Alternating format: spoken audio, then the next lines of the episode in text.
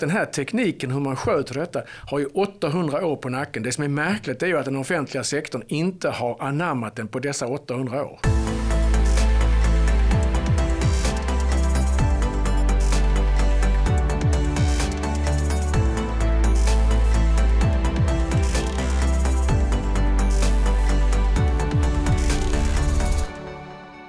Dagrätter arbetar som rådgivare till privata och offentliga institutioner såväl i Sverige som utomlands. Och han arbetar med att förbättra värdet på offentliga företags och fastighetstillgångar.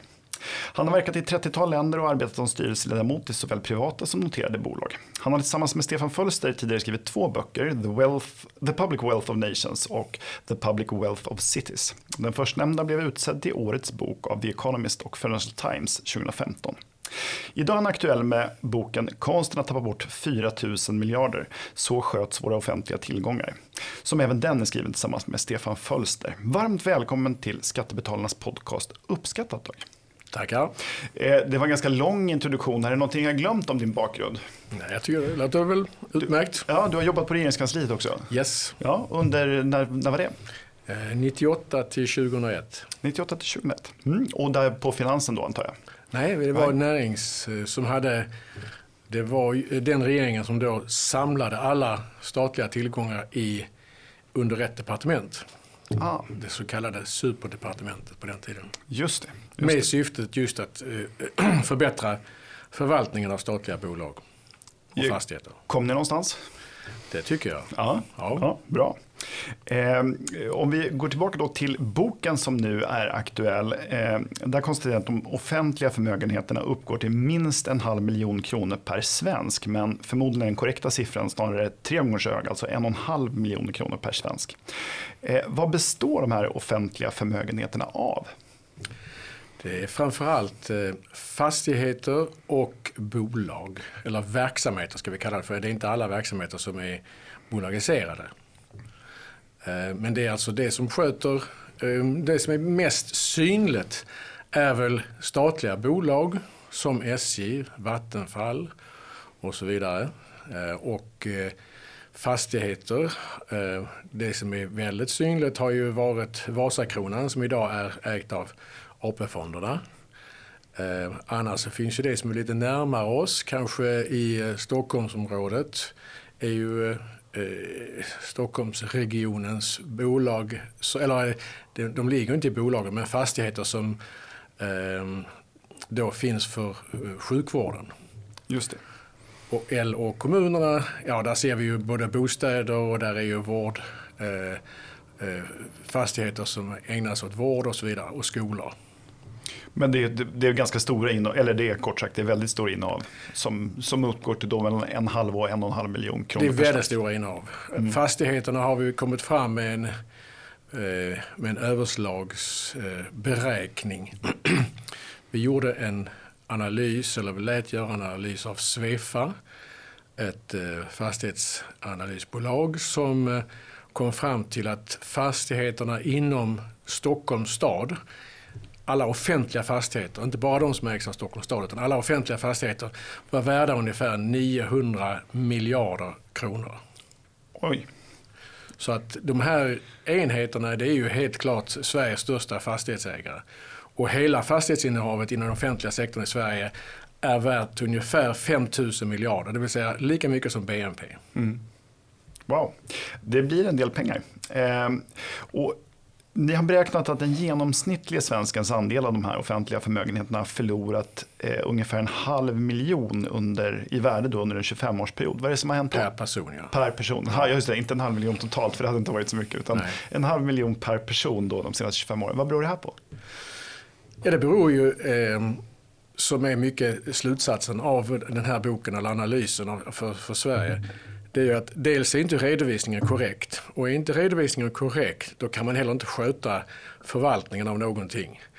Eh, och sen är det också att eh, förvaltningen är inte en, eh, eh, ändamålsenlig för sådana här tillgångar. Utan den är, oftast finns det ingen förvaltning överhuvudtaget eller så är den stöpt i fel form och så vidare. Så att det, det det, ehm, det, finns mycket att göra. Och, och, varför förhåller det sig så? Varför har man inte en bättre och effektivare förvaltning då? Ja, det är, det är den stora frågan. Och det här är inte, det här, man måste komma ihåg också, eller det är viktigt att poängtera att detta är inget svenskt fenomen. Utan det här är faktiskt ett globalt fenomen. Eh, de flesta regeringar, med några få undantag, eh, har det på det här sättet. Och, och beror det på inkompetens eller beror det på att man prioriterar andra politiska mål före en god förvaltning? Ja, den som visste det svaret, då hade vi kanske inte suttit här. Men, men om man säger så här att vi har försökt att eh, införa eh, att stater, om vi nu kallar dem för det, den offentliga sektorn, mm. eh, representerad av stater, skulle införa det som är en, en, en offentlig balansräkning. En korrekt sådan, en relevant sådan. Eh, då skulle det här eh, problemet faktiskt eh, adresseras på ett mycket adekvat sätt. Men detta, där är det första problemet att stater, och alltså, ja, stater om vi uttrycker så, det är politiker och det är byråkrater, är inte så förtjusta i att visa sin balansräkning. Och det finns, eh, vi har vid två tillfällen försökt göra detta hos världsnat, inte världsnaturfonden, Internationella valutafonden. Mm. Och eh, första gången var ungefär för 20 år sedan. Eh, då blev motargumentet att detta skulle inte vara så eh, lägligt därför att pensionsskulder, eh, som på engelska heter liabilities, det är inte, alltså, det är inte rena statsskulder. Nej, eh, skulle då visa sig vara så höga så att nettoförmögenheten, alltså det egna kapitalet i en stat, skulle vara negativt. Eh, och det var detta som faktiskt ehm, initierade oss att eh, försöka hitta en siffra på hur stora är tillgångarna. Därför att det är ingen som någonsin har tittat på detta förut. Att hur stora tillgångarna är i en stat. Eh, och då kom vi fram till en siffra som skulle visa sig eh, då överstiga eh, skuldsidan, inklusive pensionsskulder. Och då försökte vi igen, men då blev svaret att visa så stora, skulder, så stora tillgångar skulle inte vara bra för det skulle ifrågasätta varför man då höjer skatterna eller varför man inte spenderar mer. Mm. Men om man pratar med en, en, privatperson eller en företagsledare så skulle de inte kunna tänka sig, det skulle inte gå att eh, driva en verksamhet utan att förstå hur balansräkningen ser ut. Nej. Men, men stater, alltså kommuner och regioner och eh, Eh, nationella eh, strukturer gör alltså detta. Och det, det, är väl detta, det är en av eh, de viktiga poängerna som jag tycker är, är, är viktigt att komma, komma, komma ut. Så att säga. Just det, för att om man då hade en, en bättre och klokare förvaltning då skulle vi ha mycket mer pengar, eller då skulle politikerna ha mycket mer pengar att röra sig med utan att behöva höja skatten. Ja, för där, när du vet det korrekta värdet av en tillgång då finns det också ett incitament att sköta den tillgången. Om den tillgången som det är idag många gånger är värderad till noll eller bokförd till noll, då finns det heller inget incitament att, eh, att sköta den, att förvalta den. Eller att eh, eh, investera i underhåll därför att det är ingen som ser det, det är ingen som uppskattar det. Det finns inget incitamentsystem som eh, eh, tydliggör att oj, vi har spenderat dyrbara skattepengar på eh, att eh, underhålla en bro, ett, en fastighet och så vidare.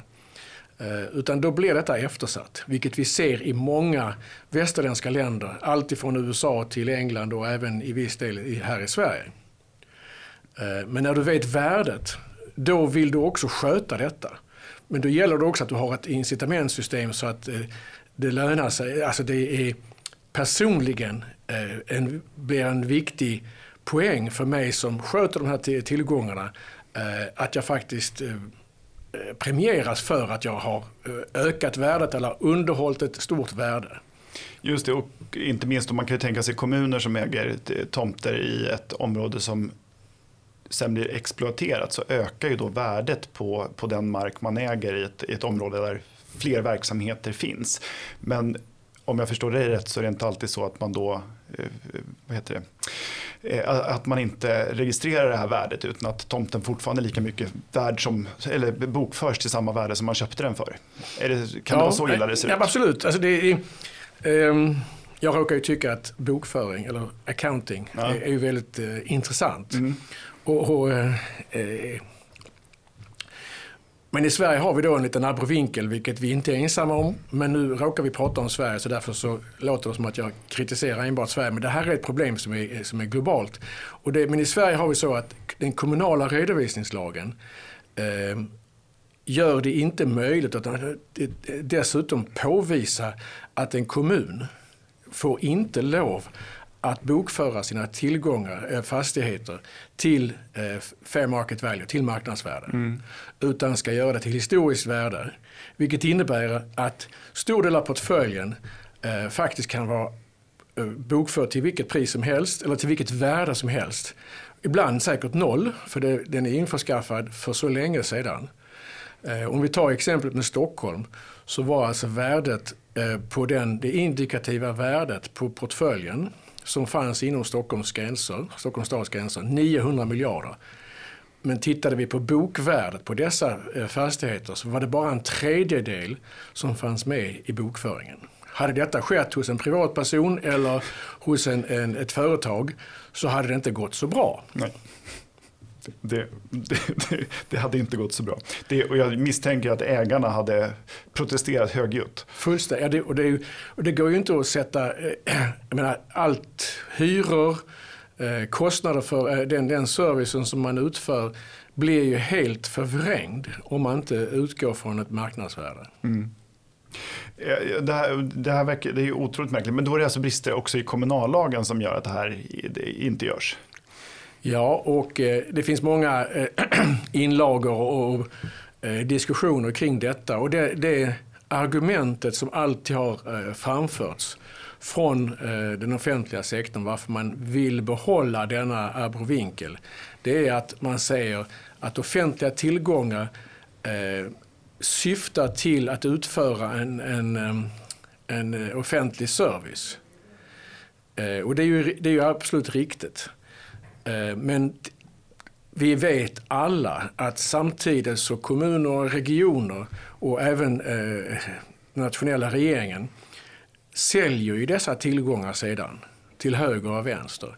Och är de då bokförda till ett alldeles för lågt värde, ja då blir det ju en otillbörlig överföring av offentliga förmögenheter till den privata sektorn. Och detta gör ju att vi får då en, en, eh, en, en hel en hel bransch som sysslar med eh, att faktiskt köpa från den offentliga sektorn och, och eh, faktiskt tjäna oerhörda pengar på detta. Mm. Och det, det gynnar ju inte en skattebetalare eller den offentliga sektorns effektivitet eller produktivitet. Nej, det känns verkligen helt, det känns ju alldeles, alldeles skevt. Eh, hade en vanlig privatperson som du och jag, hade vi, varit, hade vi varit rikare om staten hade skött det här bättre? Hade vi haft mer pengar i plånboken eller? Hade bara staten varit rikare? Eh, ja, eh, ja, vi kan ta ett exempel som eh, eh jag tycker är ganska en fin illustration. Det är eh, Malaysia, om man jämför Malaysia och Singapore så var detta, de var en gång i tiden i samma land. Och när de frigjorde sig från det brittiska imperiet så fortsatte de att vara samma land, hade samma valuta och så vidare. Sen Eh, Eh, skilde de sig åt och eh, Malaysia som är väldigt rik på eh, resurs, naturresurser och olja inte minst. Ehm, och Singapore som då är en liten ö som har absolut inga resurser, kan inte ens generera sin egen elektricitet, vatten eller ens eh, odla den mat den behöver för att överleva. Eh, detta är ungefär 60 år sedan. Eh, idag Båda två har försökt att förvalta sina tillgångar, offentliga tillgångar på ett eh, eh, relevant sätt genom att stoppa dem i, eh, i holdingbolag som då sköter dem på ett professionellt sätt. Trots detta så är skillnaden i BNP per capita, alltså per person, tio gånger. Singapore är tio gånger rikare som land per capita än vad Malaysia är. Därför att där är en enkel förklaring är ju naturligtvis kulturen och kulturen är ju helt annorlunda i ett land som inte har några resurser. Där kämpar man hela tiden att utöka eh, storleken på kakan med en frenesi som är enastående. I Malaysia är fokuset mycket mer på att dela upp kakan på ett rättvist sätt. Och det blir två helt olika attityder. Så att eh, det här är väl ett, ett, ett krångligt eller enkelt svar på visst blir eh, folket rikare, både individuellt och som land, eh, om man eh, hela tiden försöker sköta sina offentliga tillgångar på ett bättre sätt och öka storleken på kakan istället bara för att fördela den. Just det. Det låter rimligt. Det är inne på, David S. Lance skriver om det här i eh, en bok, The Wealth and Poverty of Nations, tror jag den heter. Där han pratar om eh, vad som gör länder rika. Och det är väldigt sällan naturresurser, kan man konstatera. Kultur är en, en viktig fråga och eh, offentlig förvaltning, då skulle man kunna lägga till som en sån punkt, för det tror jag faktiskt inte han tar upp. Men det, det följer väl kanske på kulturen då. Eh, hur mycket äger staten då? Vad, vad är det sammanlagda värdet av allt ägande? I Sverige så motsvarar det ungefär den officiella siffran som eh, IMF har gjort, den uträkningen. Den är alltså två gånger BNP. Det blir ungefär 10 000 miljarder kronor. Det är siffror som är svårt att begripa. Eh, men detta inbegriper inte fastigheter därför att fastigheter eh, är det få länder, möjligtvis Singapore, möjligtvis Nya Zeeland, eller eh, definitivt Nya Zeeland, som har eh, en koll på hur mycket fastigheter man faktiskt äger. De flesta andra länder, eh, Sverige också inbegripet, har ingen aning om vad man äger. Eh, och visar det inte heller. Och har ingen ambition att visa det, vilket är kanske det som jag tycker är eh, mest anmärkningsvärt. Eh, men eh, enligt våra beräkningar och eh, enligt eh, internationella jämförelser som vi har gjort när vi har gjort liknande analyser i andra länder eh, så är fastighetsförmögenheten ungefär 5 000 miljarder. Mm. Det vill säga en gång BNP. Så att vi, I princip så skulle man säga att eh, den offentliga förmögenheten i Sverige är eh, tre gånger BNP. Eller 15 000 miljarder. Det är väldigt, väldigt mycket pengar. Borde verkligen det offentliga äga så här mycket? Det är, en, det är, det är ju en... Den frågan kommer alltid upp. Ja. Om man då ska... Eh, om, om budskapet är att ja, vi borde privatisera alltihopa. Jag tycker finessen med eh, det här resonemanget är att uh, de, sedan 80-talet då Thatcher och, och det var faktiskt Tyskland som började med privatiseringarna men, men, det blir ju nästan ett mantra från IMF, eh, Valutafonden och från hela OECD att det, det, var bara privatiserade, allt ska privatiseras, allt ska bort. Och eh, det blev ju oftast till följden att man sålde ut väldigt billigt. Eh, och det finns gott om eh, eh forskning på detta. Att, att eh, men det, också i praktiken så, är, så säger man ofta att att det enklaste sättet att bli rik här i livet är ju att köpa eh, tillgångar från, från staten. Mm. Därför att de har ingen koll, de har ingen redovisning och så vidare. Så det är ju ett ganska eh, allmänt eh, vedertaget begrepp.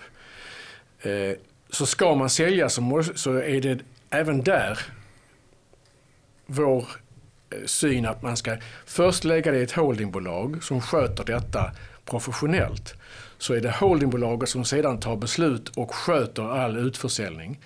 Eh, och, och, och, ehm, för det kan de göra på ett helt annat sätt än om det blir ett politiskt drivet eh, process. Eh, och det viktiga är väl att man ska se dessa tillgångar som kommersiella tillgångar. Mm. Att det är inte, de är inte till bara för att Alltså de tillgångarna som, är, som man kan definiera som, tillgång, eh, som kommersiella tillgångar, det är de som tjänar eh, intäkter på eh, avgifter eller, eller inkomster från en extern faktor. Sen finns det då policy-tillgångar. De drivs helt och hållet av skatt. Eh, och det är ju polis, försvar, eh, sjukhus etc. Det drivs ju helt och hållet på, på, på skattepengar. Men fastigheter är nästan alltid, kan man nästan alltid säga, förutom eh, vad ska man säga, historiska byggnader som slottet, mm. Eh, riksdagen och så vidare. Ehm, men de förvaltas ju också på ett speciellt sätt i Sverige. Så de är ju undantagna. Men de flesta andra offentliga byggnader är faktiskt kommersiella byggnader. För byggnader fastigheter är som ett glas. Du kan fylla det med vad som helst. Mm. Idag fyller vi med, med, med, medicin därför att vi behöver sjukvård. Eh, imorgon är det, är, är det eh, den fastigheten obsolet, den är för gammal. Som vi ser i landstingshuset här i Stockholm, det var en gång Sveriges finaste eh, sjukhus. Idag duger det inte som ett sjukhus. Idag är det en, en kontorsbyggnad för just Region Stockholm. Mm. Eh, och det finns massor med sådana exempel. Eh, så att en fastighet bör alltid ses som en kommersiell tillgång. Och det insåg också eh, den offentliga sektorn 1992 tror jag det var då vi avreglerade eh, hela fastighetstillförseln eh, till, till den offentliga sektorn. Just det, men och det, det, gör ju om, om det inte är en, en ren plädering för eh, att sälja ut de här fastigheterna. Det skulle också vara väldigt svårt att göra på kort sikt. Man skulle ganska snabbt översvämma marknaden ja, med fastigheter. Eh, så ska man göra det så måste det ta lång tid. Men det gör att det här inte nödvändigtvis skulle behöva vara parti eller ens blockskiljande. Utan där handlar det helt enkelt om att hushålla bättre med de resurser som det offentliga redan idag äger. Det, är inte, det, det borde inte vara särskilt politiskt. Där, där, skulle man kunna ställa upp med från, från eh, liksom allt från Vänsterpartiet till Moderaterna. Det borde vara så. Mm. Det borde vara så. För att, eh, det, det, är väl två slutsatser man kan dra av, av den här analysen. Och det ena är att det krävs en bättre bokföring. Mm. Eh, det krävs en bättre redovisning för offentliga tillgångar. Och, och den bör vara precis likadan som det är för den privata eh, näringslivet och privata eh, bolag.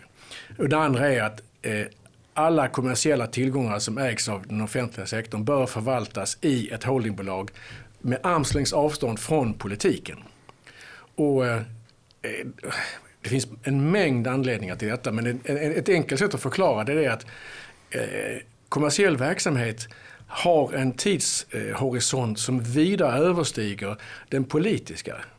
Eh, I politiken är det ganska populärt att säga att näringslivet är så kortsiktigt och det är det som är fel med kapitalismen och så vidare.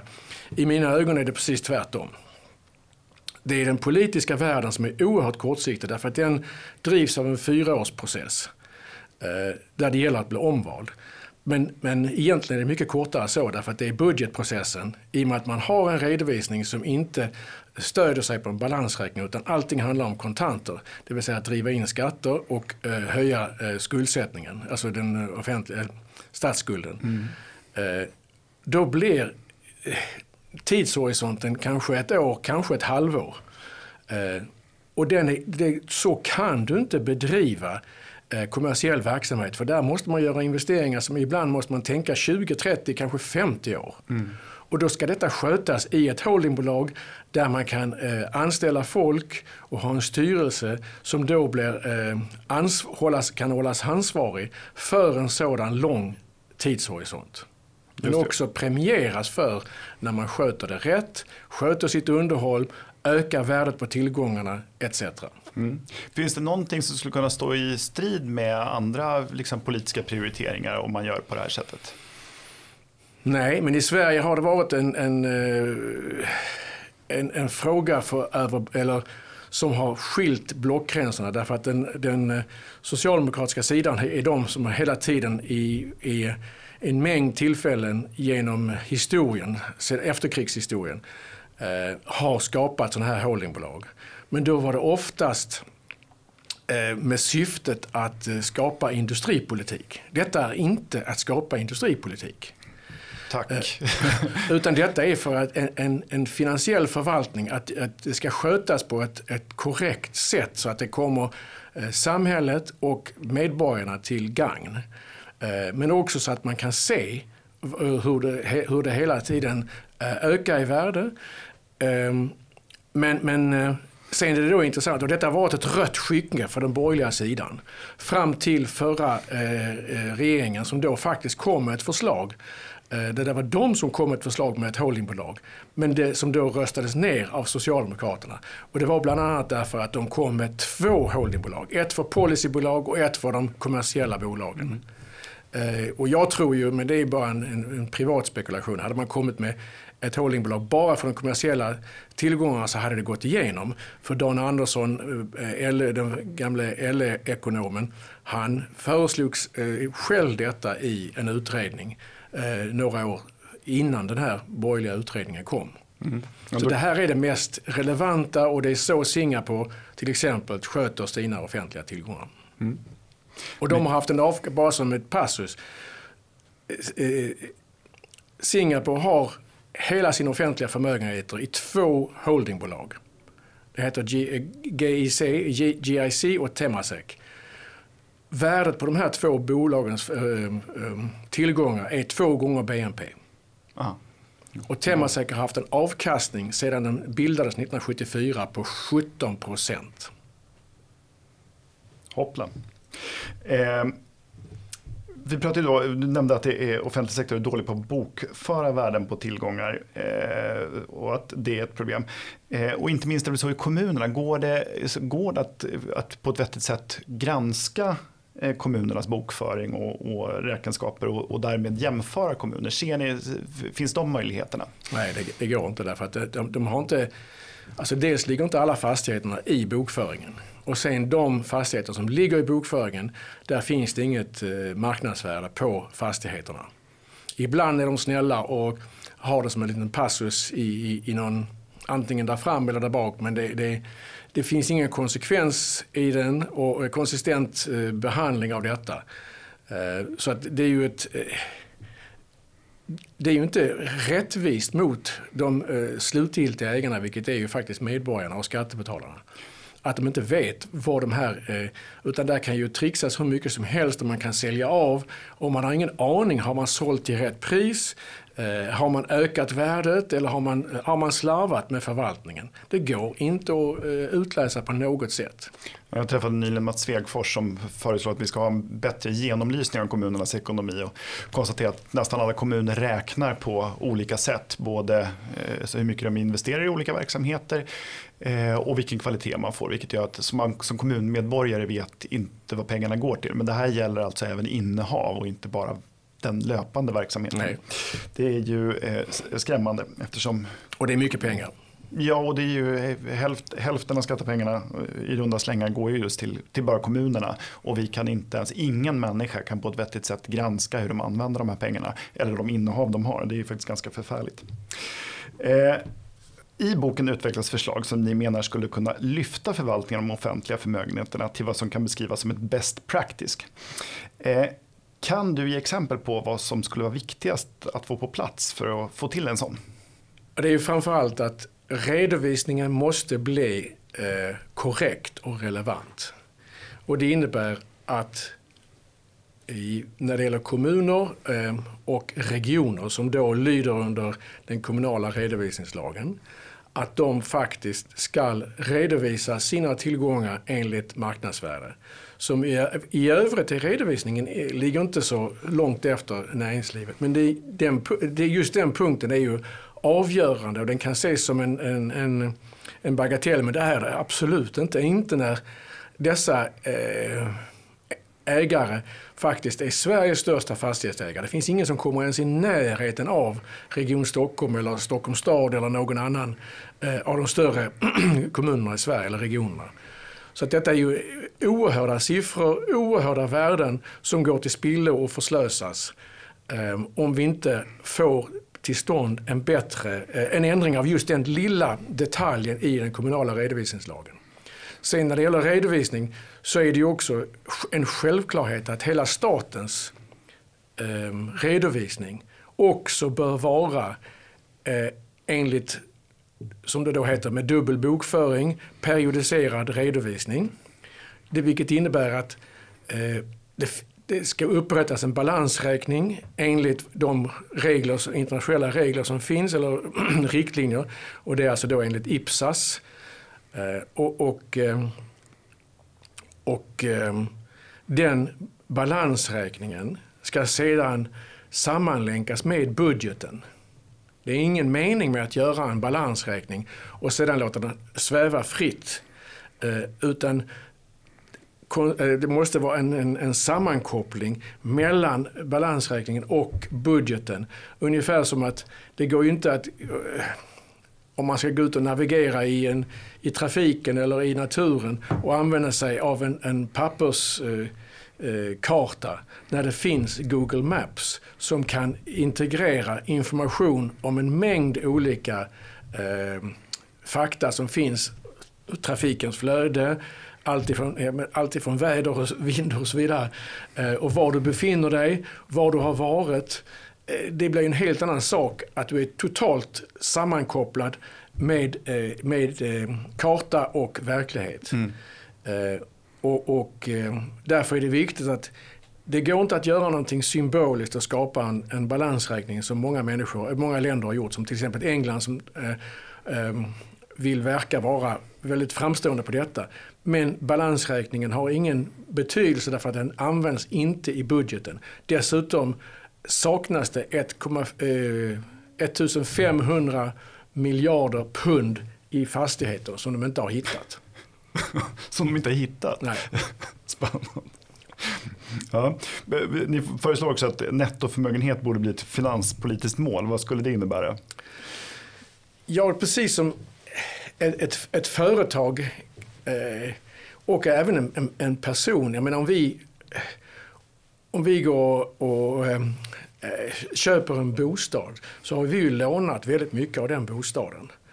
Eh, vi sitter ju, de flesta människor som då har köpt eh, en, en, en bostad sitter ju och bevakar hur går marknadsvärdet på det här. Eh, ligger jag inom, eller kommer banken att begära extra säkerheter och så vidare. Nettoförmögenheten eller egna kapitalet, hur, hur du nu vill uttrycka det, är ju centralt för både en privatperson och framförallt för ett bolag. Därför att det är det som kan avgöra eh, om, om vi är solida och solventa och så vidare. Och lik, eh, inte likvida men solventa i alla fall.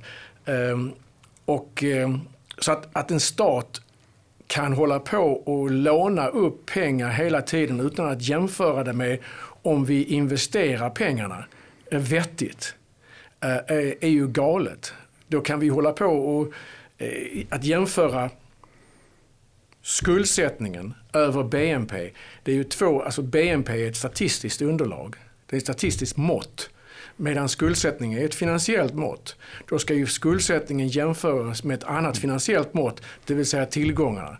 Så att man tar tillgångarna minus skulderna, det blir det egna kapitalet. Precis som vi gör när vi tittar på våra bostäder och vår egen ekonomi.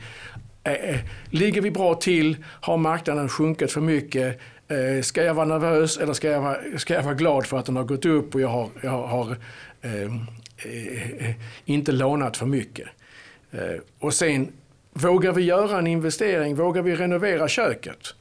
Ja, vi lånar till det. Ja visst, det går väl bra om marknadsvärdet på, på huset eller bostadsrätten är så pass stort så att banken tillåter att vi lånar. Det är, det, alltid, det är så vi tänker hela tiden. Men när det gäller eh, den offentliga sektorn så lånar man utan att överhuvudtaget tänka om, man, om det går till någonting vettigt, om det är bra avkastning på den här investeringen. Utan vi bara lånar hej vilt och jämför det med ett totalt irrelevant eh, mått som BNP. Det, det, låter som det kan bli ganska svårt att få igenom det här i den politiska debatten, att, att mäta på ett nytt sätt. Det, Nej, men det, kräver, det kräver ju ett, någon, det kräver, någon som är mycket skickligare på att uttrycka sig än vad jag är, som kan eh, åskådliggöra detta på ett sådant sätt så att eh, det, det, blir, det blir rimligt och det blir... Men finns det andra länder som gör på det sättet då? Finns det andra länder som, som mäter statsskuld mot ja, tillgångar? Framför, framförallt eh, Nya Zeeland. Ja. Det är väl de som är pionjärerna på detta. Och detta har ju varit, det har varit deras rättesnöre i 30 år. Ja. Och de har överlevt både jordbävningar, alltså de har ju samma eh, vad ska man säga, riskfaktor på naturkatastrofer ungefär eh, som Bangladesh har. Eh, så de är hårt utsatta och har haft flera jordbävningar och dessutom finansiella kriser under de här 30 åren. Men de har ändå lyckats att öka sin nettoförmögenhet under dessa 30 år. Eh, och det avgör hela tiden om huruvida de ska investera i det ena eller det andra. För då mäter de, okej, okay, blir, blir det en positiv avkastning? Eller ska vi sälja detta? Ja, säljer man någonting, ja, då sjunker ju tillgångssidan, men då sjunker ju också eh, skuldsidan. Eh, och, och eh, man säljer ju inte någonting därför att det krävs en stor investering eh, som man gjorde i England på, på 70 80-talet när man sålde av alla vattenverk det visade sig vara en, en galen försäljning när det var en, en strålande investering som man kunde gjort och dessutom kanske skött bättre. Eh, så att det gäller ju att se detta ur ett kommersiellt perspektiv. Man måste förstå, man måste en gång för alla inse att staten faktiskt driver kommersiella verksamheter. Och de har kommersiella tillgångar och då måste de också skötas och redovisas och förvaltas precis som vi gör i näringslivet. Förklarar det här också till exempel varför vi har en infrastrukturskuld i Sverige? Eh, alltså att man har underinvesterat inte minst i VA, alltså vatten och avloppsanläggningar. Så är det hela, i hela OECD, i hela den utvecklade, alla utvecklade ekonomier så är man ju väldigt rädd. Man lånar gärna för att täcka ett budgetunderskott. Därför att det gör att du blir populär eh, eh, Eh, eh, som politiker. Eh, men, men det är inte lika lätt att motivera att låna pengar för att investera. Men det är ju så vi gör som privatpersoner, det är så vi gör i näringslivet. Vi lånar pengar därför att vi ser en bra investeringsmöjlighet som kan ge en god avkastning. Och, och det finns ingen anledning att en, ett, den offentliga sektorn, stat och kommun och region skulle tänka på något annat sätt. Men det måste mätas mot rätt sätt. Mot, mot rätt, eh, så att lånar vi pengar, absolut, är det en bra investering, då ökar ju nettoförmögenheten och ökar också statens eh, in, intäkter från de här tillgångarna. Eh, det är ju alldeles rimligt. Det är, alltså staten är en komplex organisation. Därför kräver den eh, samma sorts redovisning som en annan komplex organisation, stora företag. Mm. Eh, och den kräver också likadan skötsel och förvaltning och ansvarstagande. Och det skulle bli mycket tydligare för medborgarna när, när man då gör dåliga affärer och inte... Ja. Eh, alltså det, det, det skulle vara en enorm vinst. Eh, hur skulle vi få det här på plats då? Vad skulle krävas? Det krävs en skicklig politiker. Ja. Nej, men det tekniska är inte speciellt svårt. Nej. Alltså, det tekniska är inte svårt. Utan det är ju någonting som, eh, den här tekniken har ju funnits i minst 800 år. Mm. Alltså dubbel bokföring och periodiserad redovisning uppfanns för över 800 år sedan. Och det är det som har, ligger till grund för kapital, alla kapitalmarknader. Utan dubbel, dubbel bokföring och periodiserad redovisning kan vi inte ha, har vi ingen balansräkning. Utan en balansräkning har vi ingen kapitalmarknad. Utan kapitalmarknad har vi ingen kapitalism. Eh, oavsett om eh, det finns en, en, stor debatt om detta, men det är ändå kapitalismen som har skapat den, det välstånd vi har idag. Det är ju inte politiken Tyck, som har gjort det. Tyckte till och med Marx. Ja. ja. så att det, det, det, är ju inte några konstigheter. Utan, eh, så att den här tekniken, hur man sköter detta, har ju 800 år på nacken. Det som är märkligt är ju att den offentliga sektorn inte har anammat den på dessa 800 år. Mm. Det är det som är det knepiga. Ja, det känns ju inte helt modernt. Nej. Och då, det, är, det är väl ungefär som att liksom, eh, inte ha digitaliserat regeringen. Men det, det, Eh, eller den offentliga sektorn, vilket vi faktiskt gör. Mm. Så att det finns ju ingen anledning att den offentliga sektorn ska vara sämre på det digitala än den privata. Nej. Och det finns ingen anledning att den offentliga sektorn ska vara sämre på att sköta tillgångar än det privata. Eh, och sen kan man lämna den andra debatten, huruvida vi ska äga eller privatisera. Det är en helt annan fråga. Mm. Först och främst så måste det vara förvaltat och redovisat på ett bra sätt. Eh, och det kräver en skicklig politiker att både förklara och våga. För det handlar om politisk vilja. Och i, som morot då för en sån politiker och för en sån politikers väljare kan man ju då konstatera att vi skulle alla, hela landet skulle på ett sånt här sätt kunna bli rikare. Med en, för det här är ju ett sätt att möjliggöra då en effektiv förvaltning av, av de tillgångar som finns. Och det skulle ju kunna göra oss alla rikare. Mycket rikare. 41, 40 000 minst per hushåll per år, varje år. Alltså det här är en gåva som ger oss någonting varje år. Det är inte frågan om en engångsföreteelse som en privatisering eller något liknande.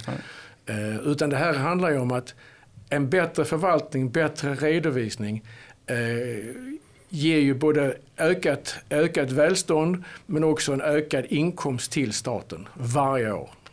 Alla blir rikare, alla vinner och det skulle vara 40 000 kronor per hushåll. Det får el, temporär elstöd och, och blekna lite.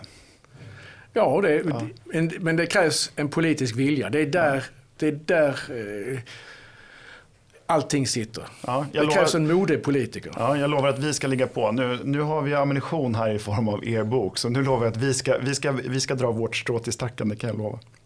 Eh, tack så mycket för att du kom hit Dag. Tack så mycket för att jag fick komma. Jättetrevligt. Och din och Stefan Fölsters eh, bok Konsten att tappa bort 4 000 miljarder, så sköts våra offentliga tillgångar. Den finns att tillgå, den finns att köpa där böcker finns. Bokus och Adlibris och andra bokhandlar. Och på samhällsforlaget.se finns en kort sammanfattning av boken som går att läsa för den som är intresserad. Tack Dag för att du kom hit. Tack så mycket. Uppskattat, det är en podcast från Skattebetalarnas förening. Vi arbetar för låga och rättvisa skatter, rättssäkerhet för skattskyldiga och minskat slöseri med skattepengar.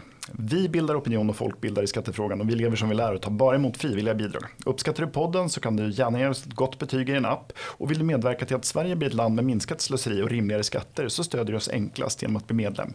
Läs mer och bli medlem på www.skattebetalarna.se bli medlem. Till nästa vecka, ha det så bra!